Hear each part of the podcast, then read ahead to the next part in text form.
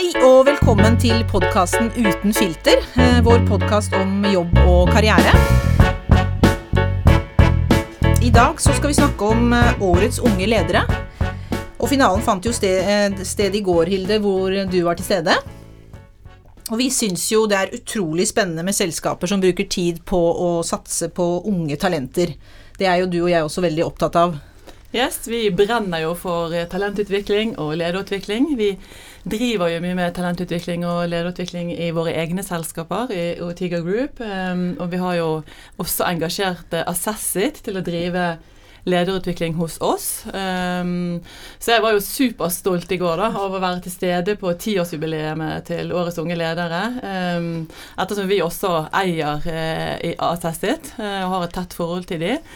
Og så stolt over alle bedriftene som på en måte prioriterer å jobbe med lederutvikling og talentutvikling. At det er på en måte for en gammel leder så er det veldig hyggelig å se alle disse unge, flinke folkene. Mm. Så konkurransen er jo stor også. Ja. Og vi har jo vært så heldige å få med oss i to gjester i podrommet i dag. Eh, partner og medgründer av Assessit, Helen Aasgaard. Velkommen til oss. Tusen takk. Og så, eh, ikke minst, har vi fått med oss eh, vinneren av Årets unge leder, Jakob Vårdal, eh, som Hilde kapret eh, i går. Ja, altså først så kapret jeg jo feil vinner, da. det var jo den første tabben. For det sto en mann på scenen som var helt lik eh, på Jakob. Eh, så jeg gikk bort til han og sa 'gratulerer med seieren', og så kult, og jeg som skal være med og intervjue deg i podkasten i morgen. og så sa han 'tusen takk', sa han, men jeg har ikke vunnet. Jeg vant i fjor, jeg, skjønner du. Ja, så det var din kollega Trygve Håkedal som vant i fjor, da. Så ja. det er jo kult eh, at Storebrann har vinnere to eh, år på rad. Det må jo vi mm. virkelig si gratulerer til de som driver med leder- og talentutvikling i Storebrann. Det er virkelig kult. Eh, og så er det kult at de da to år på rad har høye, mørke menn med lett skjegg. som er til forveksling lik. Ganske like flere som har kommentert. Like, ja, ja, ja. Av utseendet, i hvert fall. Så får vi se. Så, men vi fant deg til slutt, så velkommen Absolutt. Eh, hit. Tusen takk. Utrolig sporty av deg å stille opp på så kort varsel. Eh, men først og fremst gratulerer. Takk. Og da selvfølgelig er jo vi veldig spente på hvordan, hvordan var det å vinne, egentlig? Ja, det var egentlig helt rått, spør du meg. Um, det er litt sånn uh, Ja, prøve å beskrive det med ord litt vanskelig. Kjenner det egentlig mer på kroppen. Mm. Jeg skalv skikkelig da jeg gikk opp på scenen. Um, Nest litt problemer med å mm, ja, kjenne på om jeg skulle klare å si noe der oppe. Mm. Uh, jeg gav en kollega en klem uh, før jeg gikk opp på scenen, det husker jeg ikke. Så mm, ja, heftig var det i det det skjedde, altså. Så jeg var ikke forberedt på at det skulle gå helt til topps der, altså. Det var jeg ikke. Hadde du forberedt deg? Altså sånn man, man Nei, blir jo gjerne altså, bedt om å si noe, kanskje? Jeg har jo fått invitasjonen til å være med her i dag, ja. Eh, litt på forkant. Eh, det er et intervju i dag med meg i Finansavisa, eh, så jeg hadde liksom jeg er analytisk anlagt, lagt sammen et par tall og funnet ut at jeg har gjort det ganske bra. Jeg har vært fornøyd med mine egne prestasjoner hele veien. Men jeg har jo ikke fått noen indikasjoner på plassering. Så nei, jeg var ikke forberedt på at det skulle gå til topps. Så det var veldig, veldig moro. Ja, Utrolig kult. Og du kommer jo til å leve på dette eh, et helt år. Eh, du er jo allerede blitt eh, kjendis, forsiden av Finansavisen i dag. Og jeg husker jo selv da jeg for mange år siden ble årets ansatt. For en følelse. Altså levde på den den kvelden og, gjennom hele året, på en måte. så det det må, det må du virkelig liksom uh, føle på og ta med deg videre.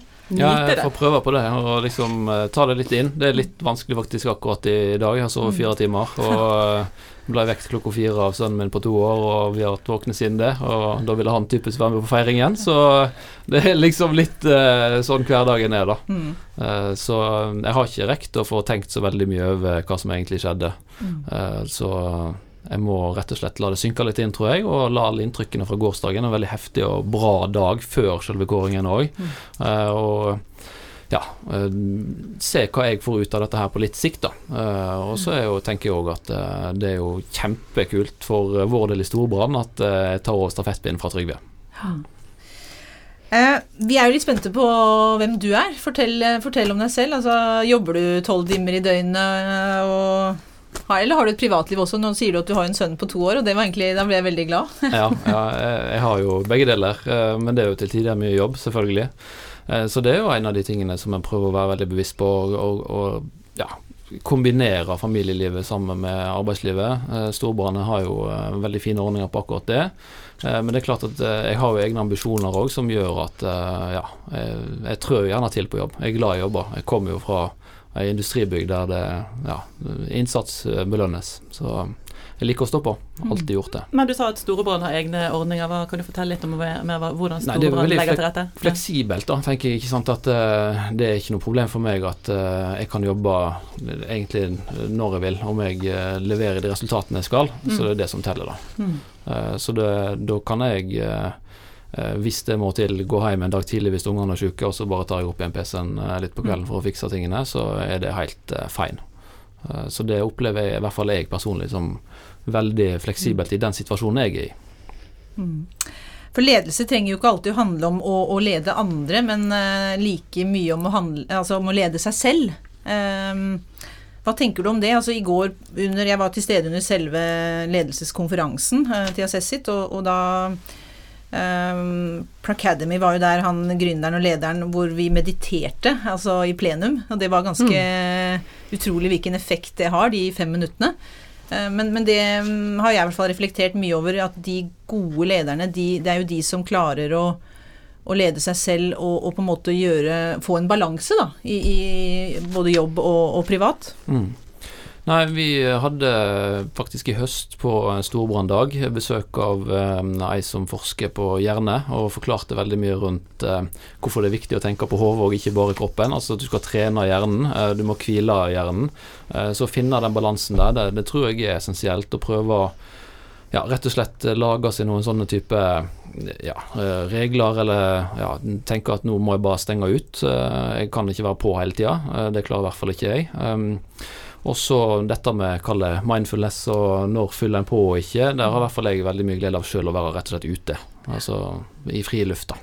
Det opplever jeg som uh, fyller på for min egen del. Da. Ja, for du, det du sier der med å være på hele tiden, det tenker jeg jeg selv som leder Altså hvilke signaler uh, sender jeg hvis jeg svarer på mail på alle døgnets mm. tider, eller uh, er på i ferier osv. Så, videre. så jeg tror det ligger et stort ansvar hos oss som ledere, da.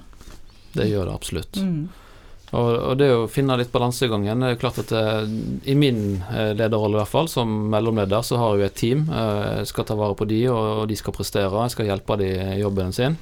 Så har jeg en leder over meg, en organisasjon, over, som òg forventer leveranser av meg og teamet mitt.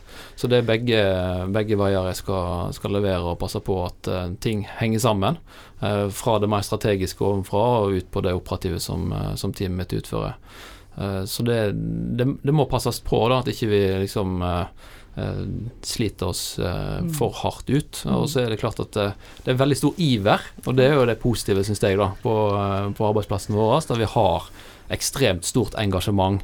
Og da klarer folk å strekke seg litt ekstra, tenker jeg. Mm. Og det, det, det sier jo også forskningen, at når de føler at de Eh, blir sett, og det er en form for omsorg mm. på arbeidsplassen, så, så, gjør det at de, de, vil gi det lille ekstra. Da. Ja, det er kanskje noe av det jeg er ja, nesten mest glad for å få tilbakemeldinger på faktisk gjennom prosessen. Da. At ja. Eh, medarbeiderne syns at jeg ja, eh, bryr meg om det å ta vare på teamet mitt. Da. Mm. Så det syns jeg er veldig kjekt å få tilbakemeldinger på. Det er viktig. Hva, kan du utdype det, eller si litt mer om hva, hva, hva du tror du gjør som gjør at de føler seg sett? Jeg må prøve å evne å sette meg inn i problemstillingene de har. Mm. Eh, de er jo på en måte sine uh, sjefer, eh, de som jobber på mitt team, de er spesialister for hvert sitt område, men jeg må evne å hjelpe de, de problemstillingene de skal løse. Og så er det klart å bare sette av nok tid til de. I dag, før jeg kom her, så har jeg hatt fire samtaler med mine medarbeidere, en halvtime på hver av de. Og, og, bare det å sitte ned og snakke med de én til én og Eh, spørre de hva er det som eh, skjer, eh, hva kan jeg hjelpe med, hvor kan jeg gå foran og dytte, hva, hva må jeg kanskje da gjennom å snakke med de finne ut av at jeg må dytte litt på de på. Mm. Så, ja. Har du, har du, faste tider, eller hvor ofte gjør du det? En gang i uka snakker jeg en halvtime. Du gjør det en gang i uka, ja. Mm. Er det faste tider dere har satt opp? Ja, det ligger fast i kalenderen, men det er klart at av og til så må det flyttes litt på. Mm. mm. Men jeg prøver å holde hellig en halvtime i uka, faktisk. Mm. For tid, det, det, er jo noe de ansatte er opptatt av. Altså, få tid med lederen sin. Mm. Ja, bli sett, ikke minst. Mm. Og du, altså for det er jo imponerende, du har jo kun vært leder i ett og et halvt år, hvis jeg Ja. har forstått det riktig? Jeg rakk akkurat fristen. Ja, du gjorde det. det, er ett års uh, ledererfaring for å være med i konkurransen, Ja, og ok. den, den rakk jeg. Jeg skjønner. Men uh, jeg, eh, eh, jeg har jo blitt toppleder, men Ja. jeg har aldri hatt noe plan om det. Så Nei, jeg har eh, av og til eh, spurt meg selv hvordan i all verden havnet jeg her. Mm. Eh, men du sa i sted at du, du hadde ambisjoner. Er, Mm. er ambisjonen din om å bli toppleder i Storebrand?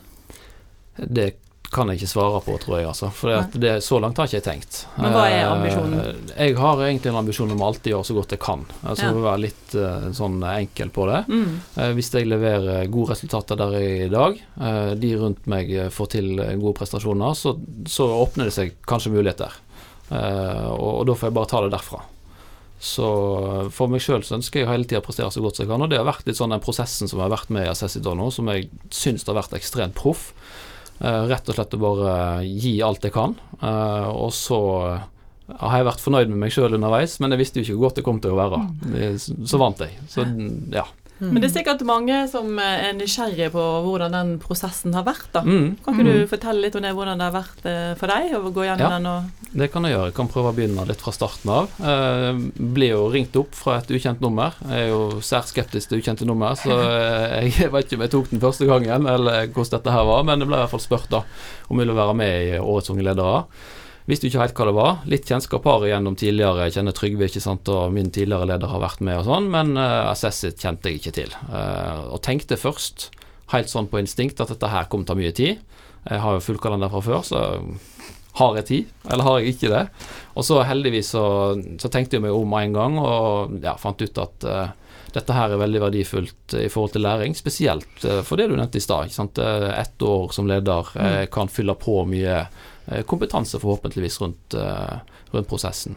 Og så begynte jo det da ikke sant, med masse tester. tester Testa både logiske evner og tekstlesing, personlighetstester. Vært igjennom en hel runde med å evaluere meg sjøl. har fått tilbakemeldinger fra min leder, eh, hele teamet mitt. Utrolig verdifullt å få liksom den ja, 360-en på, på det. Og så kulminerte det vel egentlig i eh, liksom case-dagen der vi var inne på to ulike case i fire timer vel totalt, da, og fikk gjennomgått resultatene fra både casene og de testene vi har gjort. da. Hva dreide casene seg om?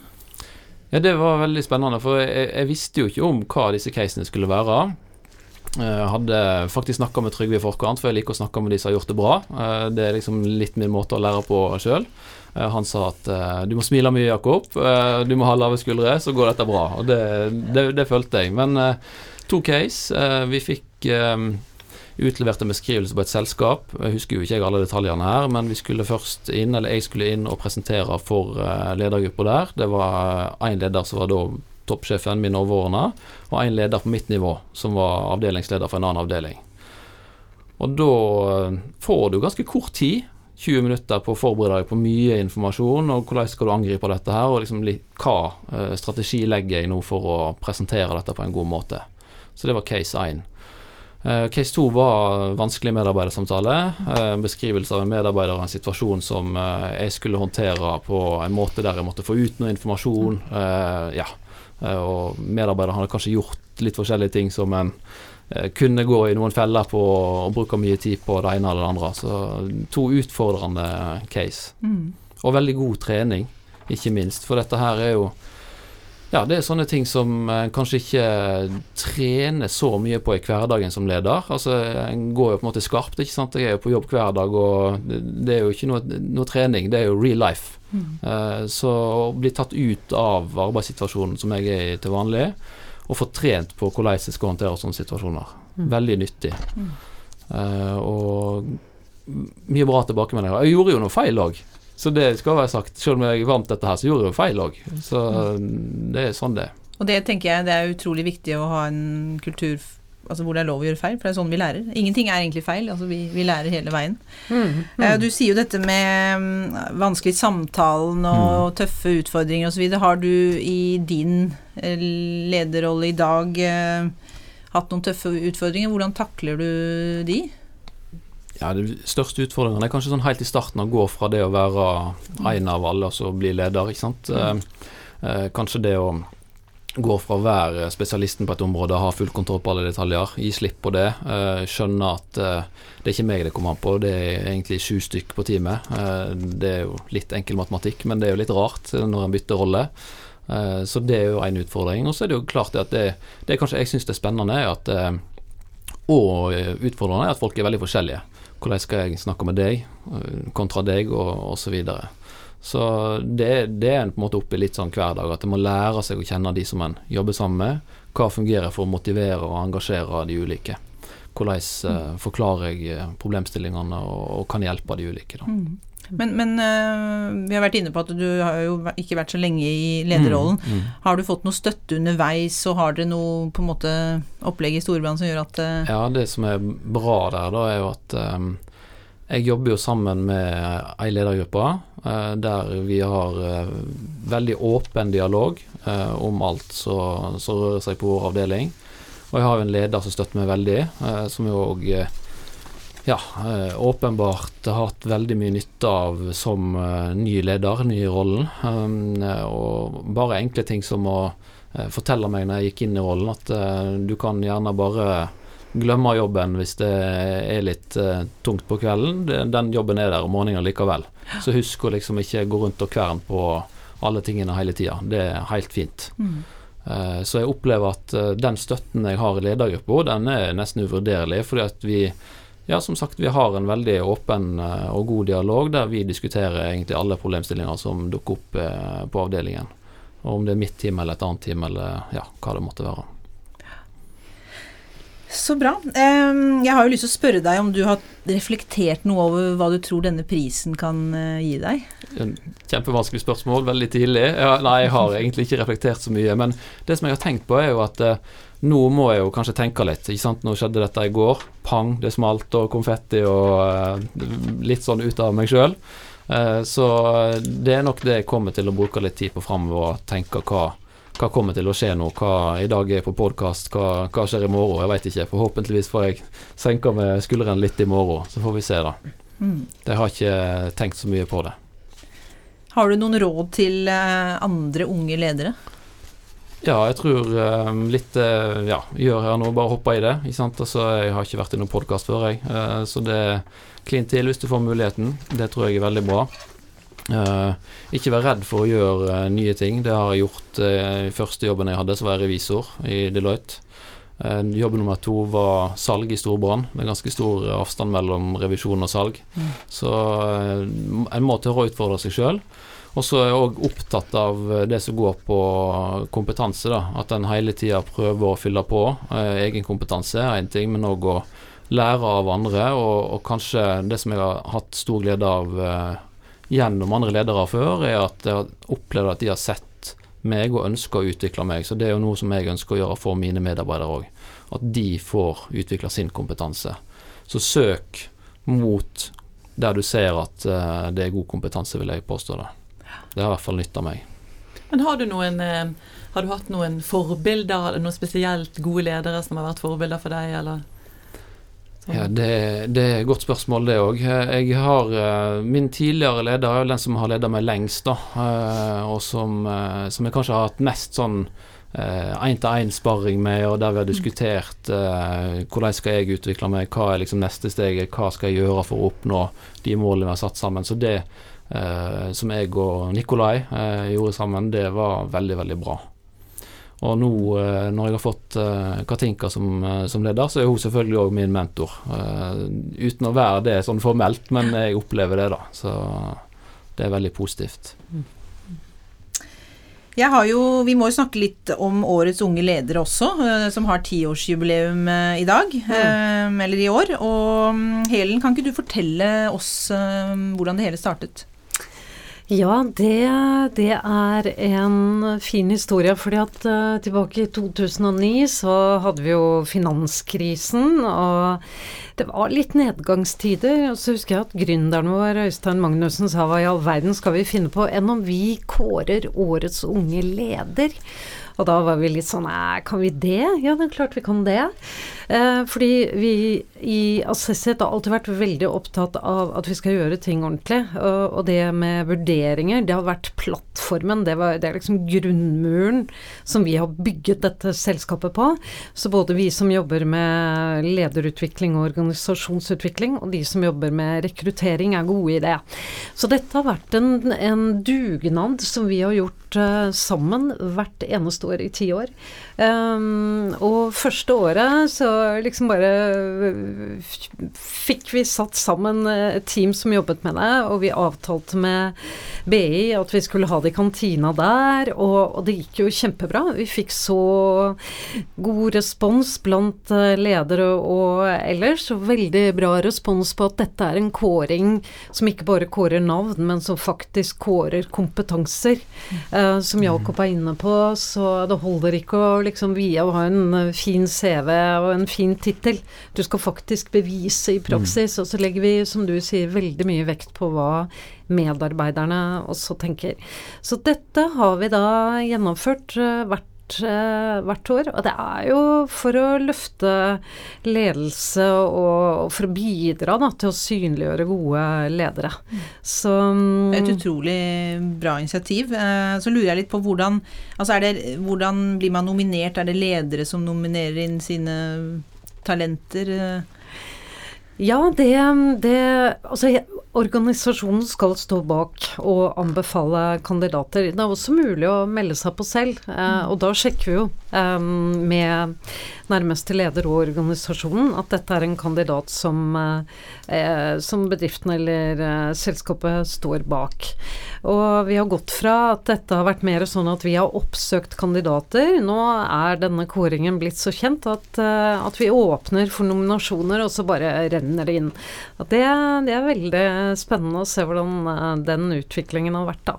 Um, så ja, alle inntil man fyller 40 år kan man være med. Og som Jakob var inne på, så skal man ha mm. hatt stillingen sin i ett år.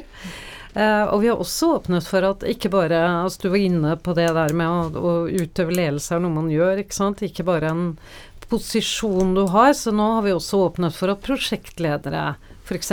kan være med. Spennende. Mm. For det er jo litt sånn uh, som jeg og Hilde har snakket om uh, Altså, kan man lære seg å bli en god leder, eller er det noe som er medfødt? Altså, hva, hva, har du å si om det? Du spør jo meg som har jobbet 20 år med dette her, så ja. Alle kan lære seg å bli bedre. Og så vet vi også at det er um, det er en del uh, personlighetstrekk som vi vet kjennetegner uh, gode ledere. Um, eh, som Jakob var inne på, ikke sant? vi foretar jo en screening mm. av uh, intelligens og evner. Ja. Uh, så vi vet jo det, at det er klart det er, det er smart å være smart. um, og så vet vi også at um, det å være relativt robust og relativt åpen. Altså åpen for nye ideer, nye ting. Og så er det også en svak tendens fortsatt til at det lønner seg å være litt mer utadvendt enn innadvendt. Men det den er, eh, den er svak. Når det er sagt, så kan så kan man lære seg å bli en bedre leder. Um, og du lærer det gjennom å erfare, først og fremst. Um, så det som Når du sier det, Jakob, liksom at bare er å utsette seg selv for ting å lære, så er det så er det, det vi vet. Uh, så du, du, kan jo reflektere ved å lese teorier og sånn. Um, min mening, etter å ha jobbet med dette i 20 år, og etter å ha forsket på hva er det som kjennetegner gode ledere i like mange år, så er det faktisk eh, veldig vanskelig å plukke ut liksom, enkelte ting, fordi det er så komplekst. Så du må faktisk um, Du må trene, og du må erfare. Um, og da må du også være villig til å lære. Så når du, Jakob, sier at du mm. gjorde feil, så er jo det det er faktisk viktig å lære av de feilene du gjør. Og mm, i tillegg tillate deg selv hele tiden å utvikle deg. Da. Mange er jo veldig Vi blir veldig satte som voksne mennesker, ikke sant. Um, og så vet vi det at for å utvikle deg som leder, så må du være villig til å ha Um, til å være litt provisorisk, til å være i arbeid hele tiden. Tenke at du ikke er ferdig utviklet noen gang, da. Ja. For det handler jo da om å ha evne til å reflektere over egen atferd. Ja. Men dere driver jo med denne lederutviklingen. og Vi går jo på lederutviklingskurs i, i regi av dere, og du er jo en av våre lederutviklere. Har du, og dette har du drevet med i 20 år. Har du, har du eksempler på folk som gjennom eh, trening har blomstret? Mm. Eller det motsatte, som dere ikke har klart å redde? Det, ja, og det er jo det aller morsomste. Altså, jeg, jeg må jo si at Årets unge ledere er jo sånn til å få gåsehud av. fordi at nettopp i den settingen så opplever vi også gleden av å kunne fortelle ledere ting de er gode på som de ikke var klar over selv. Eh, eller at de blir mer bevisst på styrker som de har fått eh, tilbakemelding på når det blir for mye av styrken, det vi kaller overslag. Eh, jeg har, um, har opplevd ledere som begynner å gråte, når de begynner å forstå hva det er de har av potensial, fordi vi har en tendens til å legge merke til å forsterke det som er negativt. Um, så, så det å det å bli bevisst styrkene dine og jobbe med det, er jo kjempeviktig. Um, så ja, det, det Og vi, hva skal vi si, vi er jo opptatt av at lederutvikling um, er et fag, det òg. Fordi vi kan snakke om hva som kjennetegner gode ledere. En annen ting er hvordan du blir en bedre leder. Og når vi jobber med organisasjoner, så er jo vår jobb å løfte alle. Og da vet vi at det å holde et inspirerende foredrag, det er inspirerende, men det skaper ikke nødvendigvis effekt. Um, så vi jobber veldig mye med å gjøre treningen så relevant og realistisk og virkelighetsnær som overhodet mulig. Men det er jo eh, det er snakk om ulike eh, lederformer, da. Det er snakk om transformasjonsledelse, eller eh, hva heter det?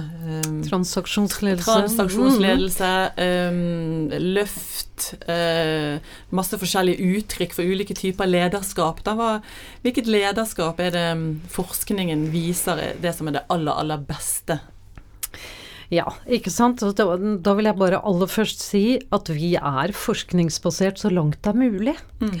Og da vil jeg også si at det er ikke mulig å, å si akkurat hva det er du skal gjøre som leder. fordi at ledelse er så sammensatt. Det består av ikke sant, du, det består av deg og din egen selvinnsikt og hva du sier og gjør. Det består um, i konteksten du leder i. Eh, menneskene du har rundt deg, utfordringene du står overfor. Og ehm, det er også mange ulike nivåer av ledelse. Ikke sant? Så i Norge så har vi en tendens til å fokusere på ledelse én til én og eh, det som har med medarbeiderne å gjøre. Men ledelse er jo også noe som dreier seg om å forstå organisasjonen, strategien, verden rundt. Det er mye politikk, det er mye å navigere i kompleksitet. Så alt dette mm, eh, Hvis jeg allikevel skal trekke ut noe, så er det jo som du sier transformasjonsledelse. Altså det å være i stand til å ha en god relasjon til medarbeiderne og ha en visjon og en mening og en intensjon med det vi driver med, det ser vi er viktig. Og så er det også um, relasjonen du greier å skape til spesielt medarbeiderne, som vi vet er viktige. Um, så jeg pleier å si at syretesten eh, for deg som leder, hvis vi skal gjøre det veldig, veldig enkelt, um, det er om, om du greier å gjøre hvert møte med en annen person til noe som styrker relasjonen mellom dere. Uavhengig om det du snakker om er positivt eller eh, negativt. Og om du greier å forbedre menneskene du er sammen med. Og at den effekten varer også når du ikke er til stede. Men, men åh, dette er jo som å være på kurs, da. Så da. Men hvordan eh, i et, et møte med en av dine ansatte styrker du relasjonen? Hva er det du skal gjøre da? Hva er teknikken? Er det, har du noen knep til oss som er ledere? Ja, altså vi snakket uh, Kristel, du snakket om mindfulness. Og mm, ikke sant, hvis vi skal hvis vi skal kutte ut alt annet da, og tenke hva er det som egentlig skaper en god uh, relasjon, så er det jo først og fremst at, du, at det starter med deg selv, at du faktisk greier å være til stede her og nå. Og det er krevende nok. Um, og når du er til stede her og nå, så er det også um, det å se andre. Å være i kontakt med andre. Og det å trene opp den evnen og den um, de teknikkene som går på å både være til stede, se andre, lytte aktivt og gi den andre en følelse av å bli sett, det er noe av det viktigste ledere kan gjøre. Og likevel hører jeg hele tiden 'jeg har ikke tid til å være leder', 'jeg har ikke tid til å være leder'. Mm. Det er så hektisk. Eh, men det å da trene ikke sant, måten du oppfører deg på i hverdagen er viktig. Mm. Men kanskje ett tips da, det er å ikke ta med mobiltelefonen inn i det møtet eh, som du skal ha med den ansatte. da. For ja. ofte så begynner man jo, får man en SMS, og så ser man på den. Altså, den fanger blikket ditt, da. Ja, og altså det er en av mine fanesaker. Uh, og det er bruk av mobil og PC og sånn. Det, det, er en avvisning av den andre personen. Respektløst. Mm. Kan jeg si en ting der? Ja. Det er jo ganske morsomt, fordi at uh, det forstyrrer veldig mye akkurat det du sier med mobiltelefon og alle andre mulige ting. Men når jeg var på case, de to casene, det var helt uaktuelt for meg å ha mobiltelefonen på pulten eller noe sånt der. Det var full konsentrasjon om det jeg skulle holde på med. Ikke sant? Så det, mm. det er bare bygge opp om det du sier, egentlig, Stahel. Mm. Så da kan du egentlig gjøre det i praksis òg. Ja. Jeg har bare lyst til å si um, tilbake til det du sa med å, å få den um, ansatte til å hele tiden um, at målet skal være at den skal komme positivt eller styrket ut av møtet eller eh, relasjonen. For jeg, jeg husker da helt uh, fersk som leder, så havnet jeg i en skikkelig sånn uh, hva skal jeg si, vanskelig situasjon med en ansatt som egentlig gikk fra å være den verste ansatte jeg kunne ha, til å bli den beste medarbeideren min. Mm. Uh, og det var egentlig fordi at ok, vi la ting bak oss begge to. Og så gikk vi videre, og på en måte Og det handlet jo også om at jeg måtte bli kjent med det, og hva trengte denne personen for å bli sett, osv. Så, videre, da. så det har lært meg liksom at det er alltid muligheter for å få ting til å Altså for å få de ansatte til å lykkes og blomstre, på en måte, og så lenge de blir sett på riktig måte. Mm. Mm. Og da starter det jo med den holdningen du møter den andre med. Ikke sant? Så når du sier det du sier, så tenker jeg ok, da har du faktisk eh, lykkes i å besøke den andre personen i vedkommendes perspektiv, da, uten nødvendigvis å gi vedkommende rett. Og det, det, er det mange som misforstår. De tror det at uh, empati er å sant, ha forståelse og medfølelse og gi den andre rett. Men det er jo nettopp det du sier. Og dersom jeg da som din medarbeider opplever at du er villig til å lytte til hvordan jeg opplever situasjonen, så skaper det en bedre relasjon, selv om du ikke er enig med meg. Mm. Og det mm, det er utrolig viktig. Ja. Mm. Det bringer meg litt over på dette med ansvaret medarbeiderne har også. Det, nå snakker vi mye om lederskap og hva som er en god leder, og hva det ligger i det, og hvilket ansvar vi har, og at vi må ha fokus og, og se folkene våre. Men det ligger et stort ansvar i medarbeiderskapet også, tenker jeg.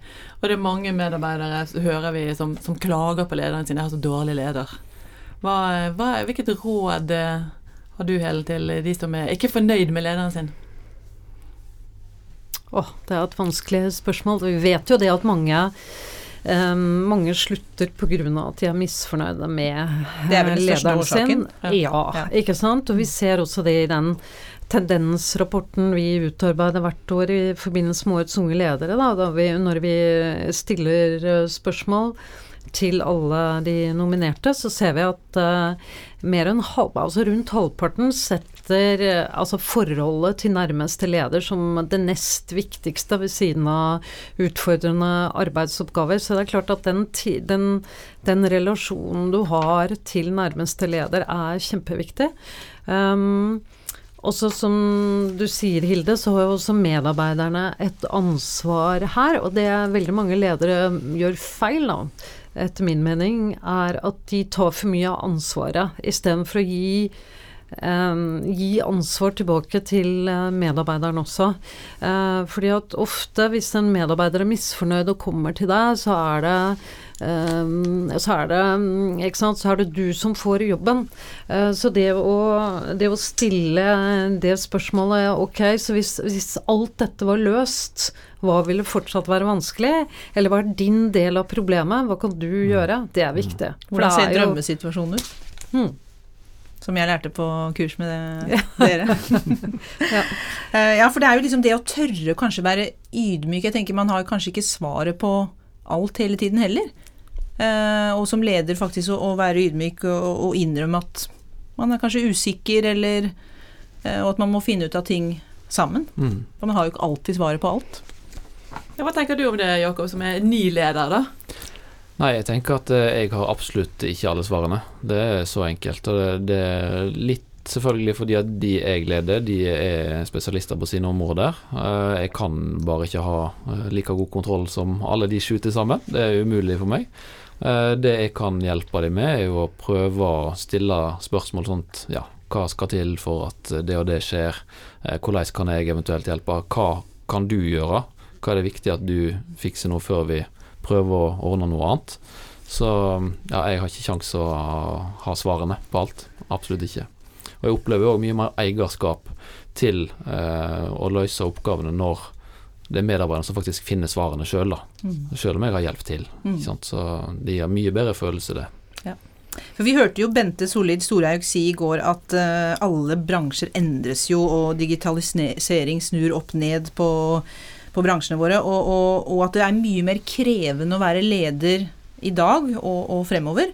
Og du også, Helen, har jo sagt at uh, endring er den nye konstant. Mm. Uh, og, og, det stiller jo, jeg tenker de unge ledere i dag, altså det som går en usikker uh, fremtid i, i møte, det stiller jo kanskje desto tøffere krav og forventninger enn en før? Ja, det er jo um, Det er jo ikke tvil om at, uh, at risikoen øker også, ikke sant. Mm. Så det er fort gjort å trå feil.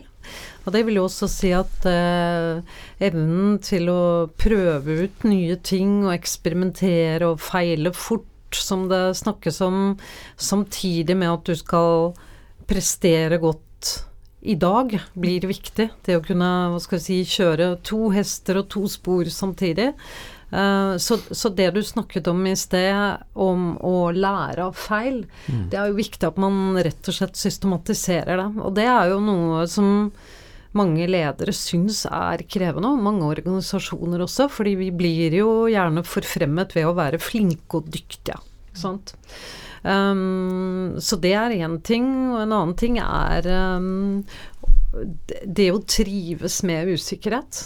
Og det å trives med at du må jobbe med mål som står i konflikt med hverandre. Kanskje at du må ikke sant, eh, kannibalisere egen drift. da, Kill your darlings, ikke sant. Det er, så det er um, det krever eh, og, og, sånn som Jakob sa, dette med at du kan ikke ha alle svar, men allikevel stole på at du finner svarene. Mm. Det er noe helt annet enn å være den visjonære, tydelige lederen som peker ut et klart mål. For vi elsker jo det. Vi vil jo gjerne vite ordet vi skal. Uh, så for leder i dag å si at uh, jeg kan ikke gi deg det svaret du vil ha, jeg må skuffe deg, men allikevel stole på at vi finner det sammen, det, det er nok uh, krevende for mange. Og det, det, det er viktig, tenker mm. jeg. Kunne være så ærlig.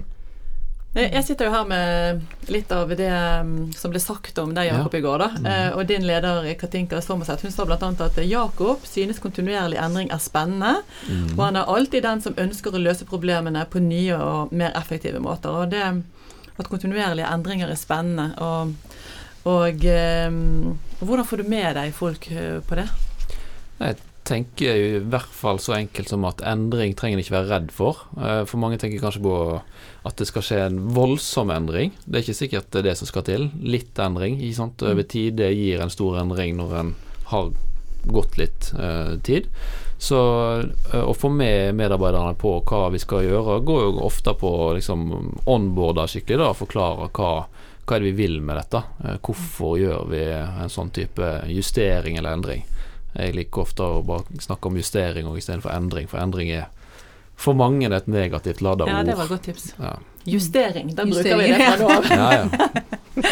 Det høres ikke så farlig ut. Nei, det gjør ikke det. Men har du et sånt bilde langt der fremme om, om hvor dere skal eh, med disse justeringene, som du sier? Altså, hva, Ja, jeg har det for, for Storebrann. Ja. Eh, og strategien som er lagt for Storebrann, er at vi skal være et sparekonsern i verdensklasse.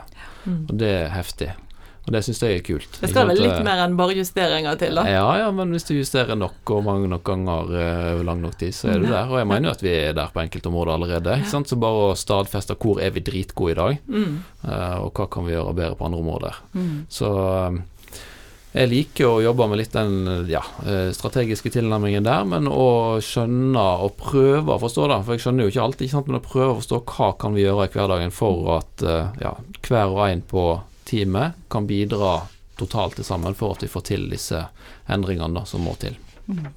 For de sier jo det at eh, de beste lederne, det er de som er flinke til å kommunisere på en måte eh, noe som er mye mer attraktivt langt der fremme, eh, og har liksom samtidig evnen til å skape denne begeistringen.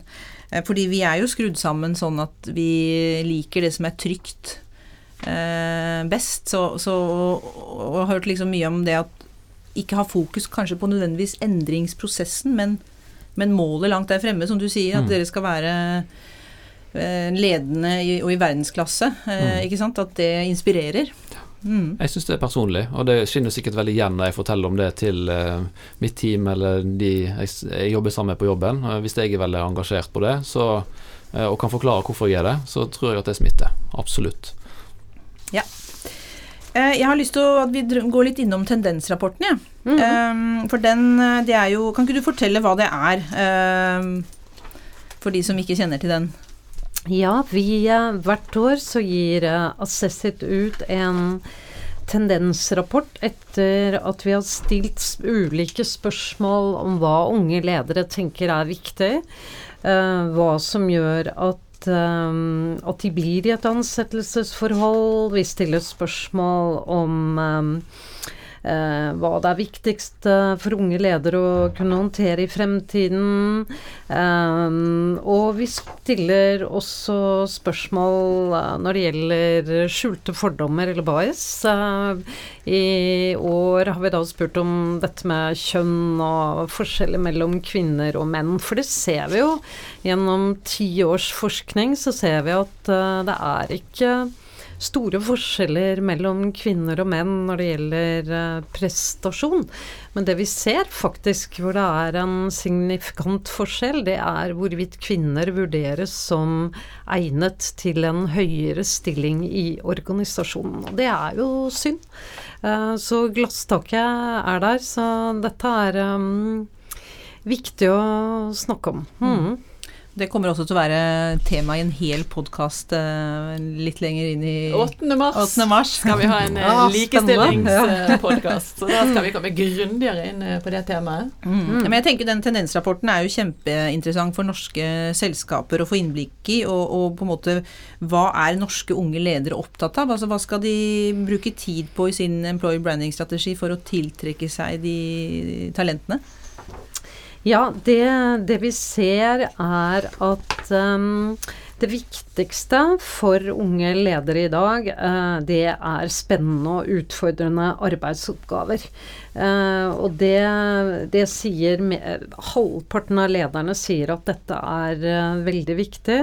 Og jobbsikkerhet er liksom Det er nede på null prosent. Så det er spennende og utfordrende arbeidsoppgaver. Sammen med det å ha en leder som du trives med, og som er bra for deg. Um, vi ser også at dette med å ha et godt arbeidsmiljø som gir arbeidsglede, er veldig viktig. Det sier 40 um, Ansvar og beslutningsfrihet er viktig. Um, og så liksom langt ned på listen så kommer da ikke sant, jobbsikkerhet, tilgang på eh, teknologi, eh, spennende fremtidsplaner, eh, frihet til å jobbe hvor som helst og gode lønnsbetingelser og den type ting. Så vi ser at det er Ikke sant. Det vi ser er jo at det vi snakker om her, dette her med å ha en god leder det er viktig. Og det å ha spennende og utfordrende arbeidsoppgaver. Så fast jobb er ikke på en måte det som eh, Nei, unge det er er opptatt av? ikke, ikke sant. Det, og det vet vi jo, at uh, dagens uh, unge eh, ledere, de er, de er ikke så opptatt av det. Det var veldig interessant i går på kåringen, så hadde vi også toppledere som kom mm. og fikk, eh, hadde med seg utfordringer som de satt og diskuterte med unge ledere.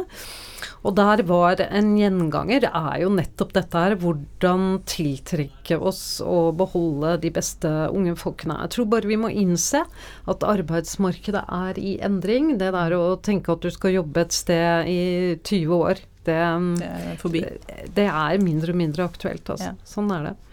For det, det, det, jeg leste så vidt eh, introen i, i rapporten, og det, de nevner jo career, community og cause. Eh, Mm. De tre parametrene er, er Mm. viktige, da, og at et selskap ikke eh, lykkes med å tiltrekke seg hvis man bare oppfyller kanskje ett eller to av de. Ja. Uh, og det handler jo om å, det å være, få være autonom uh, og ha medbestemmelse. Ja. Eh, også community, det med å ha et godt miljø og føle at eh, det er en form for omsorg på arbeidsplassen. Mhm. Og KÅS selvfølgelig dette med det gode formålet at man eh, føler at man bidrar til noe godt i verden. Ja. Det er det ganske vet ja. tøft da, å oppfylle de tre. Eh, ja, jeg tror alle tre er viktige, og det vi ser er jo at um, det blir viktigere og viktigere dette med intensjon, da. Hva er det vi hva, hva er meningen med å jobbe her, eller the why, ikke sant. Ehm, så det, det ser vi er uh, veldig, veldig uh, viktig, og det krever jo da også at uh, organisasjoner er tydelige på det. Hva er, det, hva, er det vi, hva er grunnen til at vi er til? Hva er det vi bidrar med? Um, ja. Men hvordan eh, dere som gjør mange rekrutteringer og driver masse lederutvikling og ser det norske næringslivet eller det norske arbeidslivet veldig tett, da. Mm. Hvordan opplever dere Er vi, er vi gode nok til dette? Er vi, er vi der? Er vi flinke nok til å oppfylle disse forventningene til eh, unge ledere eller unge arbeidstakere? Eh, det er et stort spørsmål. Um, jeg tenker at um, vi, vi fokuserer veldig mye på digitalisering, og vi fokuserer mye på kunder, og vi kunne nok generelt sett, tenker jeg, norske selskaper kunne generelt sett fokusere mer på hva er vårt bidrag i samfunnet. Altså samfunnsbidrag? Ja. ja. Jeg tror det å bli enda tydeligere på den intensjonen, og hva er grunnen til at medarbeidere skal ha lyst til å være her. Hva er det som er meningsfullt med det? Og da kan vi jo velge Eller vi kan, vi kan nevne ett eksempel vi har jobbet med. Når NSB um, skal ut og rekruttere kloke hoder Um, så forteller de om, om liksom, hva, hva, er det, hva er denne reisen du skal være med på? Hva er det som er spennende og gøy med å, jobbe i NSB? Og da begynner vi å rekruttere folk på helt nye måter også. Vi sant, lager filmer, bruker sosiale medier. Eh, For det går mer og mer i retningen av at selskapene må ut og fortelle historien om, om grunnen til at folk skal jobbe der, mm. istedenfor at folk søker sånn som det var før. Det handler om å treffe det emosjonelle? Ja. Å treffe rett og slett historien. Og det, ikke sant? Historie er kjempeviktig. Det er jo det vi mennesker um, um, ikke sant? Når du er barn, så hører du historier, og vi mennesker er veldig um, drevet av historier. Det er, vi er ikke drevet av mål og strategi. Det er historien jeg vil uh, vite. Og det, det ser vi, det blir, um, det blir bare viktigere og viktigere.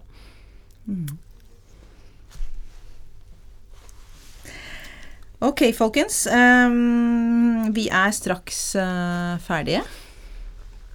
Og det har vært uh, veldig mange spennende temaer vi har snakket om i dag. Uh, men, og tusen takk for alt det dere har delt. Helt sånn til slutt så um, lurer jeg på om dere kan dele deres beste tips til de neste års unge ledere. Skal jeg få begynne? Du kan begynne, Jakob. Ja, da må det jo være å prøve å bruke den prosessen eh, til å lære mest mulig, da. Eh, og suge til seg det en kan av kunnskap, og gå inn i det med å tenke at eh, jo, ledelse det er et fag som jeg kan lære mer om. Det har i hvert fall vært veldig nyttig for meg å få veldig godt med påfyll, og tenke òg at prosessen er en veldig fin anledning til å heve seg litt ut av det hverdagslige jaget. Du får tid til å faktisk utvikle deg sjøl, så det er jo en fantastisk mulighet. Eh, og så et par sånne små tips som går på at eh, her skal en prestere maks, så det gjelder å forberede seg. Ikke sant? Eh, sov godt dagen før du skal på case. Eh, ikke drive og glo på telefonen mens du er i ilden. Konsentrer deg maks. Eh, og tenk at eh, ja, for min del, det er jo faktisk en konkurranse òg. Så la deg trigge litt av det. Du skal gi alt. Takk. Og du, Helen? Jeg syns det var veldig gode tips eh, Jakob kom med her. Og i tillegg så vil jeg oppfordre deg som vet at du er god, men som kanskje ikke helt tør, til å tørre. Det er en fantastisk opplevelse. Eh, Så hopp i det, er mitt tips. For uansett så vil du lære masse gjennom hele prosessen. Ja. Helt klart. Så du kommer vinnende ut av det uansett. Mm. Mm. Eh, tusen takk for at eh, du lyttet eh, på, og, så, eh, og tusen takk for at dere kom eh, til podrommet. Så høres vi igjen om ikke altfor lenge. Yes. Ha det bra. Ha det bra! Ha det bra. Ha det.